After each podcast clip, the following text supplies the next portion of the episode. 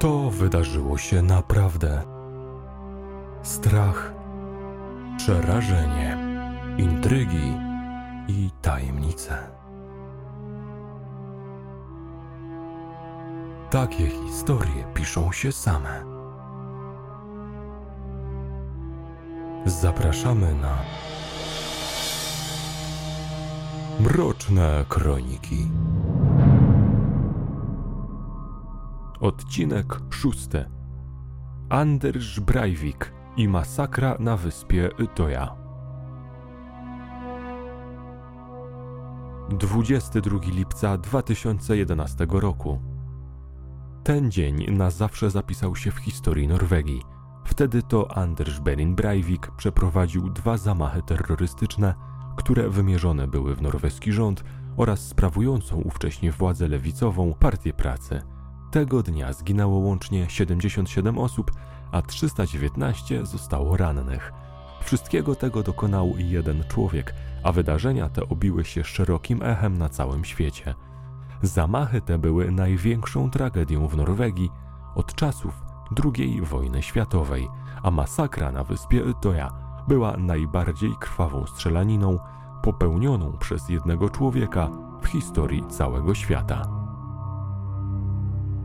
W chwili, kiedy nagrywany jest ten odcinek, sprawca zdarzeń, Anders Behring Breivik, a może raczej Fjotulf Hansen, bo takie nosi teraz imię i nazwisko, przebywa w zakładzie karnym w Norwegii. Żyje, ma się dobrze i nie daje o sobie zapomnieć, gdyż co jakiś czas pojawiają się w mediach doniesienia na jego temat.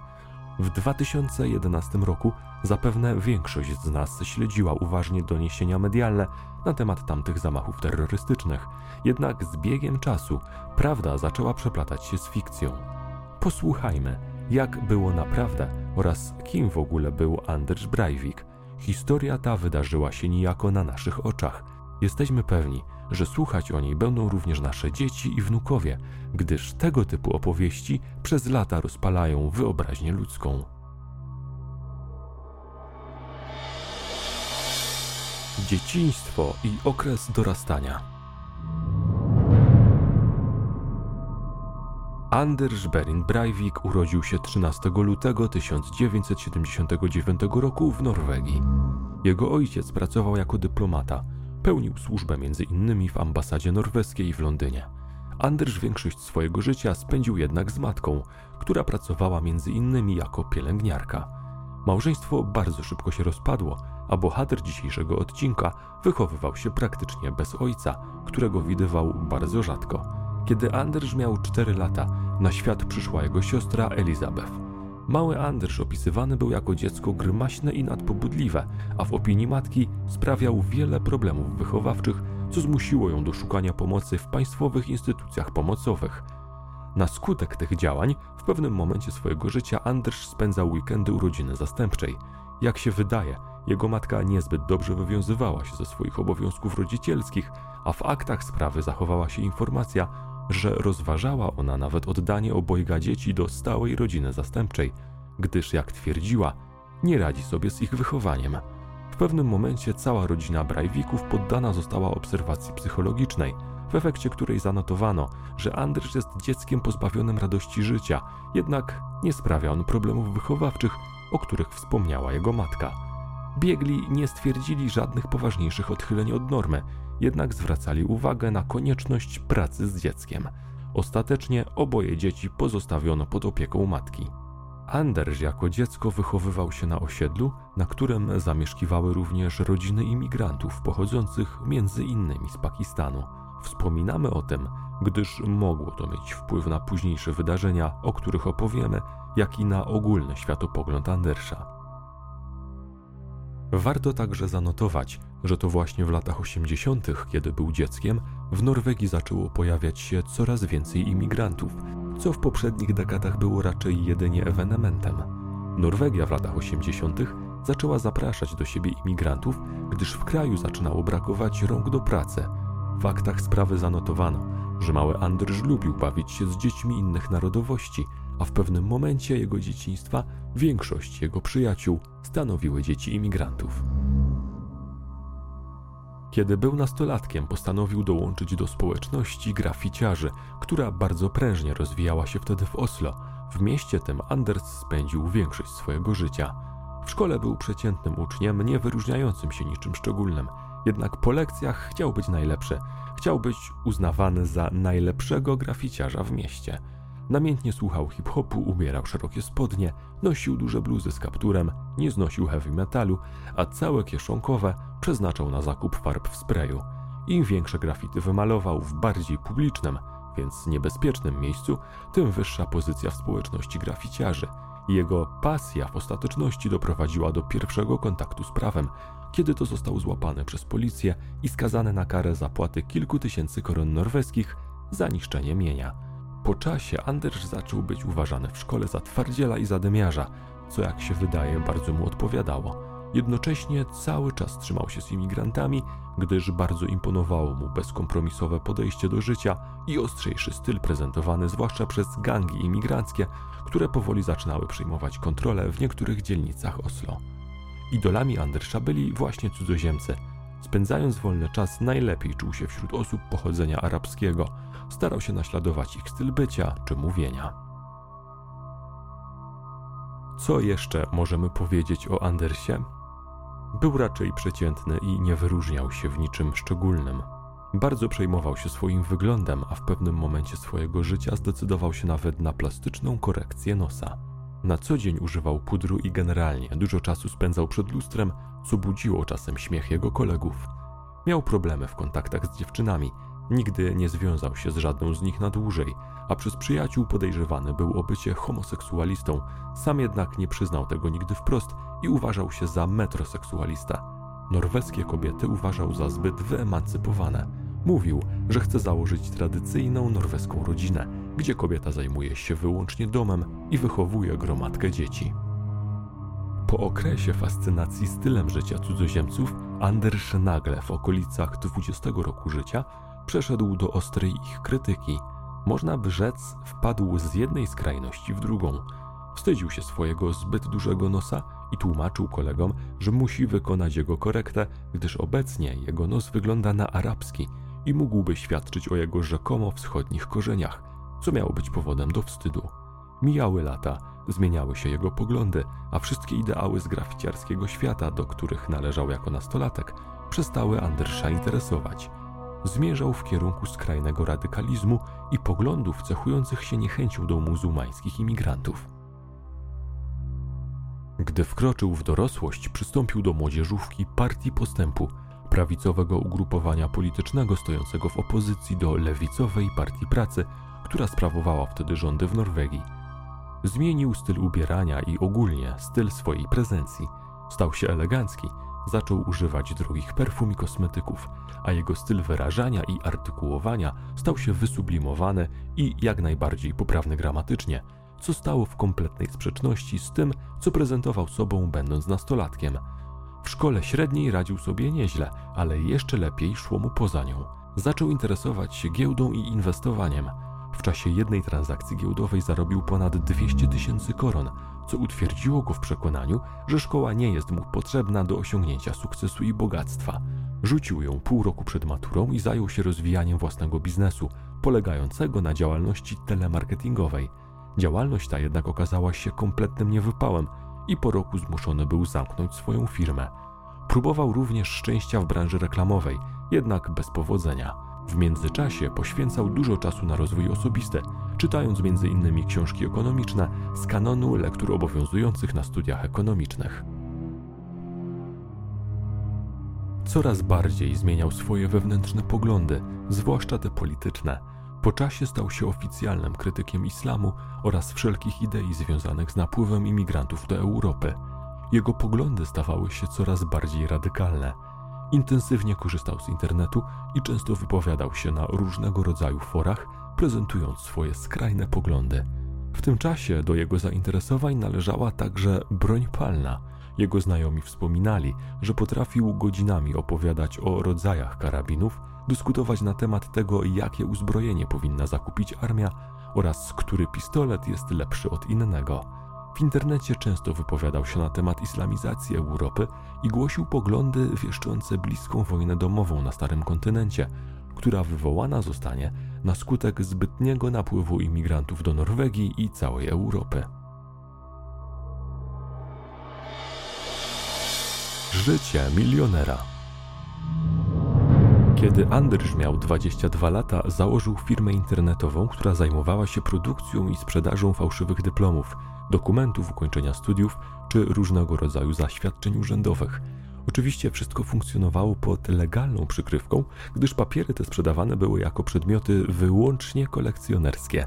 W praktyce jego klientami byli najróżniejsi ludzie, a duża część z nich posługiwała się wyrobionymi przez Andersa dokumentami w powszechnym obrocie.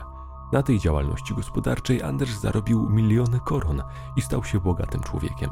Zgromadził kapitał, który pozwolił mu na spokojne życie przez następne kilka lat. Mieszkał w tym czasie w wynajmowanym mieszkaniu, gdyż mógł sobie na to pozwolić. Co ciekawe, mieszkanie to sprzątała mu matka, której płacił za wykonywanie tych czynności kilka tysięcy koron miesięcznie. Po pewnym czasie działalnością firmy Breivika zainteresowały się jednak organy ścigania oraz prasa, pisząc o tajemniczym Norwegu, który sprzedaje na masową skalę fałszywe dyplomy. Zmusiło to Andersa do zamknięcia firmy i zaprzestania tego typu działalności, gdyż obawiał się dalszych problemów z tego tytułu. Zgromadzony kapitał jednak pozostał i pozwolił mu na finansowanie dalszej działalności, o której opowiemy już za chwilę. Anders w tym momencie swojego życia był bogaty, miał za co żyć, nie musiał martwić się o najbliższą przyszłość, a więc coraz bardziej zaczął go pochłaniać internet i gry komputerowe. Wtedy jeszcze nie przypuszczał, że w internecie spędzi najbliższe kilka lat swojego życia, a jego kontakty ze światem zewnętrznym ograniczą się do posiłków, załatwiania potrzeb fizjologicznych i rozmów z matką, u której po pewnym czasie zamieszkał, by oszczędzić na kosztach życia, gdy jego własny kapitał zaczął się sukcesywnie zmniejszać. Potrafił spędzać w internecie po 17 godzin na dobę. Żył z oszczędności i był na garnuszku u matki, która załatwiała za niego podstawowe sprawunki. Jeśli zastanawiacie się, w jakie gry tak namiętnie się zagrywał, to odpowiemy, że prawdopodobnie większość z Was już się domyśliła, o jaki tytuł chodzi. Był to World of Warcraft. Anders w tej grze stał się prawdziwym mistrzem i prowadził całej gildii wojowników. Dał się poznać jako dobry organizator, a inni gracze chwalili go za profesjonalne podejście do tematu i umiejętność zagrzewania innych do walki.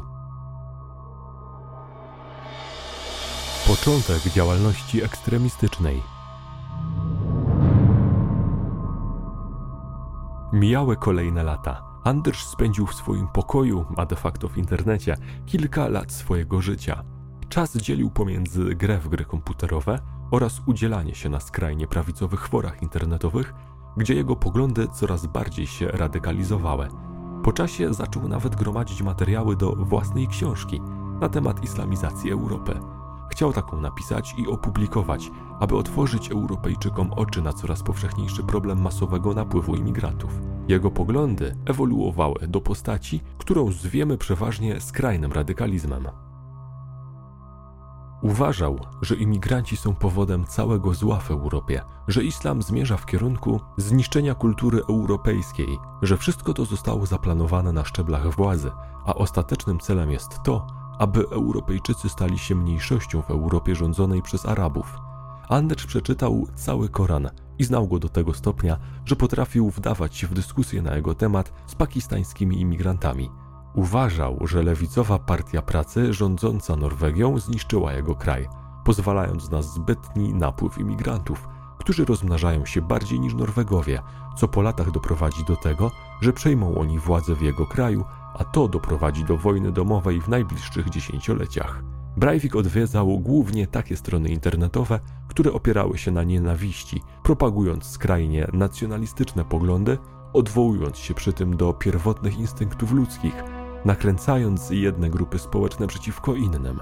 Breivik wygłaszał w internecie bardzo odważne tezy, nawołując na przykład do deportacji z Europy wszystkich muzułmanów, jednak często jego pomysły pozostawały bez odzewu. Niezależnie od tego, jak bardzo chciał być zauważony i jak bardzo chciał znaleźć poklask wśród innych użytkowników danego forum. W końcu w jego głowie zaczął kiełkować pomysł, jak zwrócić na siebie uwagę wszystkich dookoła, jak wyrwać naród z letargu i jak nim potrząsnąć. W pewnym momencie swojego życia Breivik przestał spędzać czas na grach komputerowych, a skupił się już wyłącznie na jednym temacie zahamowaniu muzułmańskiej imigracji. Główną część jego dnia zajmowało zbieranie materiałów do książki i pisanie oraz planowanie akcji zbrojnej. Swoje dzieło literackie zatytułował 2083 Europejska Deklaracja Niepodległości, a tytuł ten był nieprzypadkowy, gdyż nawiązywał do roku 1683, kiedy miała miejsce słynna bitwa pod Wiedniem, gdzie starły się wojska europejskie i osmańskie. Zdaniem Breivika 400 lat po tym wydarzeniu, a więc w roku 2083, muzułmanie zostaną finalnie wypędzeni z Europy i stary kontynent odzyska wolność. Tekst Breivika miał jeden cel: zagrzać do walki, rozpalić czytelnika. Jednocześnie oskarżał on w swojej książce wielu ludzi, którzy jego zdaniem odpowiadali za upadek Europy. Zabójstwa niektórych osobistości planował już w czasie tworzenia szkicu swojego dzieła. Pozbawienie życia miało być karą, a jednocześnie przestrogą dla innych. W książce żądał, aby wydalono wszystkich muzułmanów z Europy, chyba że przyjmą oni chrzest w wierze chrześcijańskiej, zmienią imię i nazwisko na europejskie oraz zobowiążą się do przestrzegania chrześcijańskich zasad i nie będą mieli więcej niż dwójki dzieci. Deklaracja Breivika została opracowana w najmniejszych szczegółach, z opisem konkretnych działań konserwatywnego ruchu oporu podzielonych na fazy. Jego zdaniem do roku 2030 trwać będzie faza numer 1, która ma polegać na szturmach i pojedynczych akcjach wycelowanych przeciwko zdrajcom Europy. Faza druga ma rozpocząć się w roku 2030 i potrwać do roku 2070, kiedy to ruch oporu ma przybrać już oficjalną formę. Powstaną wtedy zorganizowane grupy szturmowe. W trzeciej fazie, to jest po roku 2070, mają rozpocząć się egzekucje zdrajców oraz wprowadzenie w Europie konserwatyzmu kulturowego. W wojnie domowej przewodzić będzie organizacja Knights Templar, której obecnie przewodniczy Andrzej Bering Breivik. Co ciekawe, do dnia dzisiejszego utrzymuje on, że organizacja ta działa w całej Europie i posiada całą rzeszę członków i wiernych wyznawców. Breivik w swojej książce opisuje też różne metody walki. Podpowiada, jak i gdzie kupić broń od rosyjskiej mafii, jak wysłać pocztą bakteriową glika. Radzi, że dobrze jest zdobyć mundur policjanta, żeby móc niepostrzeżenie dostać się w strzeżone miejsca. Jak się po czasie okazało, pomysły te postanowił wprowadzić w życie. Starannie wyliczył, na jak długo wystarczy mu zgromadzonych pieniędzy, zrobił listę rzeczy, które potrzebuje oraz zaplanował ramy czasowe swojej akcji. Opis działań zawarł w projekcie swojej książki, zwanej też manifestem, w którym oprócz tego znalazły się wybrane fragmenty z jego życia. Plan działania. Breivik postanowił zbudować bombę oraz zaopatrzyć się w broń palną. Było to niezbędne, aby przeprowadzić akcję zbrojną, z pomocą której planował wymierzyć zdrajcą narodu sprawiedliwość i obudzić naród norweski z letargu. Do skonstruowania bomby potrzebny był mu sztuczny nawóz, a żeby go legalnie kupić w dużych ilościach, musiał mieć gospodarstwo rolne. Tak więc w 2009 roku założył jednoosobową działalność i wynajął małą opuszczoną farmę poza miastem. Zaczął także gromadzić pozostałe wyposażenie, dokonując zakupów przez internet w różnych krajach, w tym m.in. w Polsce, gdzie zaopatrzył się na przykład w azoten sodu, potrzebny do skonstruowania bomby. Ponadto Oprócz pistoletu i karabinu zakupił także celowniki laserowe i tłumiki, dodatkowo magazynki, nadajniki GPS czy zestawy kolców dziurawiących opony samochodowe. Z różnych elementów ubioru sportowego skompletował mundur, do złudzenia przypominający ten używany przez norweską policję. Zakupił hełm, maskę przeciwgazową, ochraniacze na ramiona, kamizelkę kuloodporną. Oczywiście do skonstruowania bomby potrzebne było mnóstwo składników, w które zaopatrywał się przez internet lub robiąc rajdy po okolicznych warsztatach samochodowych czy aptekach. Zakupywał w nich różnego rodzaju specyfiki i medykamenty, z których następnie uzyskiwał potrzebne substancje. Kwas siarkowy, zakupiony w warsztacie samochodowym, gotował godzinami na podwórzu swojej wiejskiej farmy, aby uzyskać jak największe stężenie. Wiedzę o tym, jak wyekstrahować odpowiednie składniki z lekarstw w dostępnych aptekach oraz o tym, jak skonstruować bombę, zdobył z internetu, między innymi oglądając odpowiednie filmy na YouTube. Bardzo obawiał się, że ktoś odkryje jego plany, dlatego potrzebne materiały kupował na raty i w różnych miejscach, tak aby nikt nie zaczął niczego podejrzewać, kiedy skupował ogromne ilości kwasu siarkowego czy aspirynę, z której następnie uzyskiwał kwas acetylosalicylowy. Jednocześnie zadbał o to, aby w dniu zaplanowanej akcji samemu być w dobrej formie. Zaczął regularnie ćwiczyć oraz zażywał różnego rodzaju suplementy, anaboliki i odżywki. Jak sam wyjaśnił w swoim manifestie, dbał także o swoje zdrowie moralne, nagradzając się od czasu do czasu na przykład wystawną kolacją za dobrze wykonane zadanie związane z przygotowywaniem do zamachu. Po całej akcji miał powiedzieć, że skonstruowanie bomby to cholernie ciężka praca fizyczna. Zanotował, że nawóz, który zamówił pod pretekstem prowadzenia gospodarstwa rolnego, dostarczany był w postaci małych kuleczek, które należało zgnieść, a następnie polać ropą, aby uzyskać siłę wybuchową z zawartych w nawozie substancji. Obliczył, że aby skonstruować dostatecznie silną bombę, potrzebuje kilka ton nawozu, które następnie własnoręcznie przetworzył w zaciszu swojej farmy przy użyciu prostych narzędzi, dostępnych powszechnie w użytku. Aby uzyskać pozwolenie na zakup broni palnej, zapisał się do klubu strzeleckiego, gdzie regularnie trenował swoją celność. Wszystkie chemikalia przetwarzał na farmie, stosując jedynie prowizoryczne środki bezpieczeństwa, przez co ciągle obawiał się chorób będących następstwem wdychania różnego rodzaju oparów i pyłów. Dzień zero.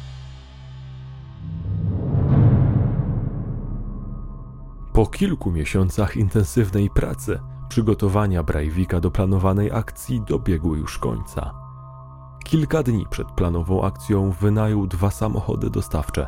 Jeden z nich posłużył następnie jako samochód pułapka, gdyż była w nim zamontowana bomba ważąca blisko tona. Drugi wynajęty samochód został przez niego wykorzystany do przedostania się z Oslo na sławną już dzisiaj wyspę Etoja, ale o tym za chwilę. Nadszedł dzień 22 lipca 2011 roku. Anders Bering Breivik ubrał się w swój misternie przygotowany mundur imitujący strój policjanta. Spakował resztę wyposażenia, zjadł kanapki z serem i szynką przed wyruszeniem na akcję zaplanował rozesłać swoją książkę, czyli swój manifest, na ponad 8 tysięcy adresów, w tym wielu polityków i dziennikarzy. Do tego celu użył wiadomości mailowych. Wychodząc z domu zostawił włączony komputer, na którym uruchomił masową wysyłkę. Nie przewidział jednak tego, że jego dostawca internetu stosuje filtry antyspamowe i po wysłaniu tysiąca maili wysyłka stanęła w miejscu. Mimo wszystko jego dzieło ruszyło w świat. Samochodem, pułapką wyposażonym w bombę własnej konstrukcji, podjechał pod 17-piętrowy budynek mieszczący Ministerstwo Sprawiedliwości i kancelarię premiera w dzielnicy rządowej w Oslo. Planował zniszczenie całego biurowca, liczył na to, że fala uderzeniowa naruszy konstrukcję budynku, który następnie się zawali. Był przygotowany na to, że sam może zginąć już w momencie aktywowania ładunku wybuchowego, gdyż w samochodzie pełno było łatwopalnych oparów. Nic takiego jednak się nie stało. Spokojnie odpalił ląd i wyszedł z samochodu. Długość lądu była odpowiednio dobrana tak, aby bomba wybuchła o konkretnej porze, kiedy jej twórca będzie już daleko od samochodu. Następnie Breivik przesiadł się do drugiego wynajętego samochodu, który wyruszył pospiesznie w kierunku wyspy Toja, oddalonej o kilkadziesiąt kilometrów od centrum Oslo. Po drodze został zauważony przez kamery miejskie, a jeden z przechodniów zwrócił na niego uwagę, gdyż jego wzrok przykuł dziwny policjant idący z bronią w ręku, który wsiadał do cywilnego pojazdu dostawczego. O godzinie 15.25 bomba znajdująca się pod budynkiem ministerstwa eksplodowała, wybijając w nim wszystkie szyby. Andrzej Breivik był już w tym czasie w drodze na wyspę. W czasie jazdy miał włączone radio i słyszał, że program został nagle przerwany, aby poinformować słuchaczy, że w dzielnicy rządowej eksplodował samochód pułapka. Bardzo go to ucieszyło. Budynek nie zawalił się jednak, ale mnóstwo osób zostało rannych, a kilka zginęło na miejscu. Rozpoczęła się ewakuacja dzielnicy rządowej. Mimo to drogi wyjazdowe z Oslo nie zostały zablokowane. Nie podjęto też żadnych kroków w tym kierunku, tym samym pozwalając Breivikowi na swobodne opuszczenie miasta. Była to pierwsza tego typu sytuacja w Norwegii, a więc służby działały bardzo chaotycznie, brakowało jasno sprecyzowanych procedur działania. Z czasem do policji napływać zaczęły doniesienia o podejrzanym mężczyźnie w mundurze, który kilka minut przed wybuchem wsiadał do cywilnego pojazdu dostawczego w pobliżu miejsca zdarzenia. Znany był ogólny rysopis Breivika oraz samochodu, którym się obecnie poruszał. Przejrzano nagrania z monitoringu miejskiego, ale wiadomości te zignorowano. Nie nadano też żadnych alarmujących wiadomości do patroli policyjnych poruszających się po Oslo i poza nim.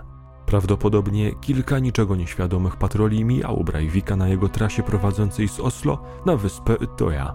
Do dzisiaj wiele ludzi ma żal do władz o to, że mimo iż wysadzono w powietrze za pomocą bomby najwyższy ośrodek władzy w kraju, nie zastosowano wszystkich możliwych środków bezpieczeństwa. Wiele doniesień zignorowano, umożliwiając tym samym terroryście swobodne kontynuowanie swojej akcji. Po pewnym czasie Breivik dojechał na przystań, przy której cumował prom dowożący pasażerów na wyspę Utoja, która oddalona jest od stałego lądu tylko o kilkaset metrów. Sama wysepka jest bardzo mała i ma zaledwie 12 hektarów powierzchni. Ale dlaczego w ogóle Breivik wybrał tę wyspę na miejsce dalszej części swojej akcji terrorystycznej? Otóż 22 lipca 2011 roku organizowany był tam letni obóz dla młodzieżówki lewicowej Partii Pracy, tak bardzo znienawidzonej przez Breivika partii politycznej, którą obwiniał o dopuszczenie do islamizacji Norwegii. Tego dnia na wyspie obecne były prawie wyłącznie osoby związane z Partią Pracy, głównie była to młodzież zrzeszona w tej organizacji, ale znajdowali się tam także różnego rodzaju mówcy i zaproszeni goście. Jak pamiętamy, Breivik ubrany był w strój łudząco przypominający mundur używany przez norweską policję, a na głowie założony miał hełm. Niósł przy sobie broń, ponadto ciągnął za sobą pancerną skrzynię na kołach, w której znajdowały się kolejne sztuki broni oraz znaczna ilość zapasowej amunicji. Kiedy znalazł się na przystani, nie wzbudził niczyich podejrzeń. Co więcej, oznajmił, że został przysłany do obrony uczestników letniego obozu w związku z zamachem, do którego doszło w dzielnicy rządowej Oslo. Ludzie zgromadzeni na przystani uwierzyli w jego słowa. Breivik zażądał, aby natychmiast przetransportowano go na wyspę, oczywiście w celu zabezpieczenia terenu przed ewentualnymi zamachowcami. Po zacumowaniu na wyspie poprosił o przetransportowanie jego pancernej skrzyni pod główny budynek znajdujący się na wyspie. Jednocześnie polecił, aby przekazano wszystkim informacje o tym, że policja żąda, aby wszyscy zebrali się w jednym centralnym miejscu. Oczywiście wszyscy gorliwie spełniali polecenia przedstawiciela służb porządkowych. W tym czasie na wyspie znajdowało się mniej więcej 700 osób, z czego około 600 nie miało nawet ukończonych 20 lat. Kiedy Breivik wraz z innymi osobami zmierzali pieszo w kierunku centrum wyspy, pomyślał: Teraz albo nigdy. Wyciągnął pistolet, który miał zamocowany w kaburze na udzie. Jedna kula czekała w komorze, kolejne 17 w magazynku. Trzy osoby szły przed nim, dwie za nim. Podniósł pistolet i bez wahania zastrzelił strażnika wyspy, który szedł bezpośrednio przed. Następnie zastrzelił kobietę znajdującą się tuż obok. Jak sam później zeznał, od tej chwili wszystko już było proste. Świadkowie tych zdarzeń rzucili się w panice do ucieczki.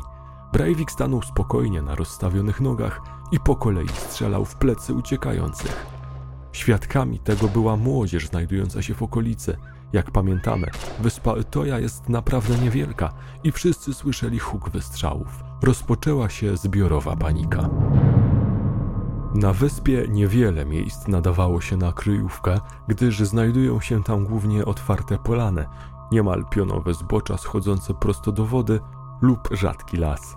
Na środku wyspy znajdował się wtedy niewielki drewniany budynek, w którym wielu ludzi próbowało się schronić. Breivik niespiesznie zmierzał w jego kierunku, strzelając do wszystkich napotkanych po drodze ludzi. Wszedł do środka. Niektórzy ze zgromadzonych, widząc co się dzieje, próbowali kłaść się na ziemię i udawać martwych, ale Breivik doskonale wiedział, do kogo już oddał strzał, a do kogo nie. Po kolei podchodził do leżących i strzelał im prosto w głowę. Kilka osób zastygło w bezruchu, kompletnie sparaliżowanych strachem. Nawet nie próbowali uciekać. Breivika bardzo to dziwiło i opowiadał później, że na filmach tego typu sytuacje przedstawiane są w zupełnie inny sposób. Po kolei do wszystkich strzelał. Niektórzy próbowali w panice szukać jakiejkolwiek kryjówki. Masakra trwała w najlepsze, ale oczywiście nie wszyscy zginęli na miejscu. Niektórzy zostali okrutnie zranieni, na przykład otrzymując strzał w szczękę, która rozpadała się na kawałki, ale mimo to nadal żyli i byli świadkami wszystkiego, co dzieje się dookoła. Breivik przebywał w budynku około 2 do 3 minut, zabijając w tym czasie 13 osób, a wiele kolejnych zostawiając bardzo ciężko rannych. Była godzina 17.29. Młodzież, widząc co się dzieje i słysząc strzały, dzwoniła w panice na policję i do swoich rodziców. Wyobraźmy sobie, jak musiały wyglądać tego typu rozmowy i co ci ludzie przeżywali. Po czasie wykonywanie połączeń z terenu wyspy okazało się niemożliwe, gdyż sieć telefoniczna została kompletnie przeciążona. Mijały cenne minuty, ratunek nie nadchodził, a wszystko działo się bardzo szybko. Breivik szedł dalej przez wyspę, zabijając kolejne nieudolnie ukrywające się osoby. Doskonale pamiętał, do kogo strzelał, a do kogo nie, a więc kładzenie się na ziemi i udawanie martwego w niczym nie pomagało. Podchodził i strzelał leżącym nieruchomo ludziom prosto w głowę. Oczywiście amunicji mu nie zabrakło, gdyż po drodze zdążył już uzupełnić swoje zapasy, wykorzystując naboje, które miał zgromadzone w pancernej skrzyni znajdującej się na środku wyspy. Wielu ludzi próbowało się ratować wskakując prosto do wody i płynąc w kierunku stałego lądu. Wielu z nich udało się w ten sposób uniknąć śmierci. Breivik w tym czasie chodził po wyspie i krzyczał: Pozabijam was wszystkich, marksiści! Policja była już świadoma tego, co mniej więcej dzieje się na wyspie ale zorganizowanie oddziału specjalnego trwało. Upływały kolejne minuty, a działania policji były bardzo chaotyczne. Przykładowo, źle ustalono miejsce zbiórki, ponadto brakowało łodzi do przetransportowania oddziału antyterrorystycznego na wyspę. Uzbrojeni funkcjonariusze długi czas bezsilnie stali na stałym lądzie, nie mogąc doczekać się na łódź policyjną. Słyszeli strzały padające na wyspie, która oddalona była zaledwie o kilkaset metrów. Po zastrzeleniu około 40 osób na wyspie, Breivik uznał, że jego zadanie zostało wykonane i czas poddać się policji. Pragnął on bowiem przeżyć całą akcję i wziąć udział w procesie pokazowym, na którym mógłby głośno wypowiedzieć swoje poglądy. Chciał rozgłosu, chciał, aby cały świat usłyszał, dlaczego przeprowadził zamach. Faza pierwsza jego operacji to wydanie manifestu. Faza druga to zamach bombowy i utoja. Faza trzecia to proces. Tak zaplanował całą akcję. Zadzwonił na numer alarmowy 112, ale jako, że telefonował ze znalezionej gdzieś przypadkiem komórki bez karty SIM, a ponadto sieć telefoniczna była przeciążona, połączenie szybko zostało przerwane. Postanowił więc dalej zabijać. Dziwiło go jednocześnie, że oddział antyterrorystów nie dotarł jeszcze na wyspę. O 18.26, a więc około godziny po dotarciu na wyspę, Breivik podjął kolejną próbę kontaktu z policją, jednak także to połączenie zostało wkrótce przerwane i na jego skutek nie podjęto żadnych konkretnych działań. Po raz kolejny Breivik postanowił iść przed siebie, szukać ukrytych ludzi i dalej zabijać. Minutę później pierwsza łódź z antyterrorystami dotarła na wyspę. Mniej więcej w tym czasie nad wyspą pojawił się także helikopter, jednak nie był to helikopter policyjny, a prywatna maszyna należąca do stacji telewizyjnej. Z jej pokładu filmowano to, co dzieje się na wyspie, a niektóre z tych nagrań przedostały się później do sieci. Gdy antyterroryści zobaczyli Breivika, byli trochę zaskoczeni. Spodziewali się osoby o ciemnej karnacji, a stał przed nimi rodowity Norweg o jasnych włosach. Zamachowiec postanowił się poddać, odłożył karabin i wyciągnął ręce szeroko na boki. Na polecenie antyterrorystów położył się na ziemi. Celowano do niego, więc gdyby nie posłuchał, zostałby natychmiast zlikwidowany. Spętano mu ręce i nogi. Breivik współpracował z policjantami, nie stawiał oporu.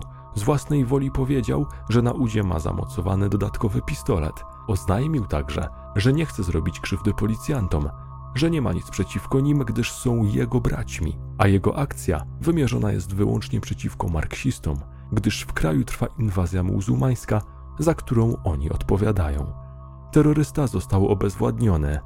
Masakra dobiegła końca. Koniec akcji i proces sądowy Andersa Breivika. Niedługo po zatrzymaniu przystąpiono do wstępnego przesłuchania. Breivik stawiał warunki i zgrywał twardego zawodnika. Oświadczył, że to dopiero początek szerszej akcji i trzecia komórka zbrojna organizacji Knights Templar nie została jeszcze uruchomiona. Mówił, że to zamach stanu. Prawdopodobnie chciał wzbudzić jak największe przerażenie i spowodować zamieszanie w całym kraju. Następnie oświadczył, że wie, że jego życie już się skończyło, ale jest gotów ponieść ofiarę. Wyjaśnił, że jego organizacja ma zamiar przejąć władzę w Europie w ciągu następnych kilkudziesięciu lat oraz że powstała w roku 2000 w Londynie i zrzesza delegatów z 12 krajów. Podkreślił, że nie są oni nazistami i popierają Izrael. Nie są też rasistami, ale chcą, by islam zniknął z Europy Wyjaśnił, że świadomie zabijał młodzież, gdyż byli to przyszli przywódcy partii pracy, a więc osoby, które miałyby rządzić Norwegią, a do tego nie mógł dopuścić. Stawiał żądania, m.in. dotyczące tego, aby w więzieniu umożliwiono mu dostęp do komputera z edytorem tekstu, tak aby nadal mógł pisać książki i prowadzić działalność polityczną. Chciał mieć możliwość prowadzenia nieograniczonej korespondencji i możliwości dostępu do Wikipedii. Żądał, aby karę mógł odbywać w izolacji od muzułmanów. W zamian za to obiecał składać obszerne wyjaśnienia. Cały czas współpracował z policją. Kiedy przystępowano do przeszukiwania jego mieszkania i farmy, z własnej woli uprzedził funkcjonariuszy, gdzie zlokalizowane są groźne chemikalia, których nie należy dotykać bez rękawic ochronnych i maski gazowej. Wspomniał, że odbieranie ludziom życia to paskudna rzecz, ale jeszcze gorszą rzeczą jest nic nie robienie, kiedy partia pracy zdradza swój kraj, a konserwatystów kulturowych przedstawia się jako zacofanych radykałów. Na pytanie o to, czy rozumie, jak wielką krzywdę wyrządził rodzicom nastolatków, którzy zostali przez niego zabici na wyspie, odpowiedział, że owszem, wie, że to okrutne, ale to rodzice powinni byli zadbać o to, aby ich dziecko nie stało się radykalnym marksistą działającym na rzecz wielokulturowości która doprowadzi do upadku Europy. Takie właśnie są poglądy Andersa Breivika i tak właśnie usprawiedliwiał on swoje działania. W końcu rozpoczął się proces sądowy. Breivik przyznał się do zarzuconych mu czynów, ale konsekwentnie odmawiał przyznania się do winy. Przez długi czas toczyły się debaty i badania na temat jego poczytalności i tego, czy był w pełni świadomy swoich czynów. Ostatecznie został uznany za w pełni poczytalnego psychicznie a więc skazano go na najsurowszą karę znaną norweskiemu prawu karnemu karę 21 lat pozbawienia wolności z możliwością przedłużenia tej kary o kolejne 5 lat, a później o kolejne 5 i kolejne i kolejne, aż do jego naturalnej śmierci. W czasie procesu Breivik dał się poznać jako człowiek inteligentny i przebiegły. Doskonale znał swoje prawa, jak i przebieg poszczególnych procedur sądowych. Sam proces wykorzystał do ogłoszenia swoich poglądów i tego, żeby zaprezentować całemu światu swoje motywacje. Zachowywał się grzecznie i starał się nie okazywać lekceważenia rodzinom ofiar. Irytował się jednak, kiedy przerywano jego wypowiedzi lub nie pozwalano mu na zbyt długie monologi. Opinia biegłych opisuje go jako człowieka, który jest bardzo skupiony na sobie i postrzega samego siebie jako osobę wyjątkową, centralny punkt wszelkich wydarzeń. Niektórzy biegli twierdzili, że cierpi na schizofrenię paranoidalną. Oficjalnie przyznawał w czasie rozmów z biegłymi, że często udaje w czasie procesu i gra swoją rolę, tak jak to sobie zaplanował. Prokuratorzy doszli do wniosku, że organizacja Knights Templar, o której wspomina Breivik, nie istnieje. Jednak do dzisiaj nie milkną spekulacje na temat tego, czy jest tak w rzeczywistości. Większość badaczy skłania się ku temu, że były to jedynie jego urojenia. W pewnym momencie świat obiegły zdjęcia Andersa Breivika z sali sądowej, na których widać, że płacze. Jednak myliłby się ten, kto sądzi, że płakał nad losem zamordowanych ofiar. Płakał bowiem, gdy na sali sądowej wyświetlono krótki film propagandowy jego autorstwa, który zmontował jeszcze przed przeprowadzeniem zamachów. Film ten załączony został do akt sprawy jako jeden z dowodów przeciwko niemu. Breivik był tym zaskoczony i płakał, gdyż nie spodziewał się, że proces będzie toczyć się aż tak bardzo po jego myśli oraz że cały świat będzie mógł zobaczyć jego dzieło. Wyrok w sprawie Andersa Breivika zapadł 24 sierpnia 2012 roku. Kiedy sprawca usłyszał wyrok, uśmiechnął się. Prawdopodobnie ucieszyło go to, że został uznany za poczytalnego, a więc media nie będą mogły zrobić z niego szaleńca, który nie był świadomy swoich czynów. Breivika osadzono w więzieniu o zaostrzonym rygorze, w którym obowiązują surowe procedury. Przykładowo nie może posiadać żadnych kosmetyków, a jak wiemy, lubił spędzać dużo czasu przed lustrem. Niezmiernie go to irytowało, więc pisał liczne skargi. Podobnie nie podobało mu się to, że z okna widzi jedynie wysoki mur, a telewizor umieszczony jest za plastikową osłoną, przez co dźwięk źle się roznosi po pomieszczeniu, powodując echo. Pisał więc kolejne skargi. Dostawał zbyt małą porcję masła na śniadanie. To także było powodem do skarg. Został umieszczony w celi pozbawionej mebli z białymi ścianami. Nie mógł decydować o tym, jaki program telewizyjny ogląda, a więc skarżył się, że jego potrzeby kulturalne pozostają niezaspokojone. Pozwolono mu jednak na prowadzenie korespondencji, więc zaczął otrzymywać mnóstwo listów od osób o poglądach podobnych do jego własnych. Przez pewien czas na większość z nich skrzętnie odpisywał, a jego wypowiedzi można było znaleźć w internecie. De facto przez długi czas prowadził więc bloga, tyle że za pośrednictwem swoich zwolenników. Jak pamiętamy, właśnie tego chciał, jego słowa rozprzestrzeniały się po całym świecie. W 2016 stał się znowu sławny. Wytoczył proces przeciwko Norwegii za nieludzkie, jego zdaniem, warunki w jakich jest przetrzymywany. Ostatecznie sąd nie przyznał mu jednak racji, uznając, że zaostrzone warunki, w jakich jest przetrzymywany, są konieczne ze względów bezpieczeństwa. W 2017 roku z bliżej nieokreślonych powodów postanowił zmienić imię i nazwisko i teraz nazywa się Fjotulf Hansen. Swego czasu ubiegał się również o przedterminowe zwolnienie z zakładu karnego. O Andersie Breiviku nadal jest głośno, a w lipcu 2021 roku miała miejsce dziesiąta rocznica dokonanej przez niego masakry. Powtórzmy, z rąk Breivika zginęło łącznie 77 osób. Niestety jego dokonania stały się także inspiracją dla wielu innych ekstremistów, którzy pozbawili życia kolejne osoby w imię swoich skrajnych poglądów politycznych czy religijnych. Wspomnieć tu należy chociażby o zamachu terrorystycznym, który miał miejsce w Nowej Zelandii w 2019 roku, kiedy to uzbrojony ekstremista zamordował ponad 50 osób znajdujących się w meczecie. Jednak jest to już opowieść na zupełnie inny odcinek naszego podcastu.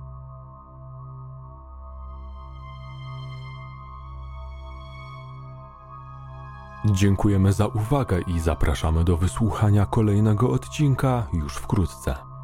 Naszych materiałów słuchać można w serwisie YouTube oraz na platformach streamingowych takich jak Spotify, Apple Podcasts i Google Podcast.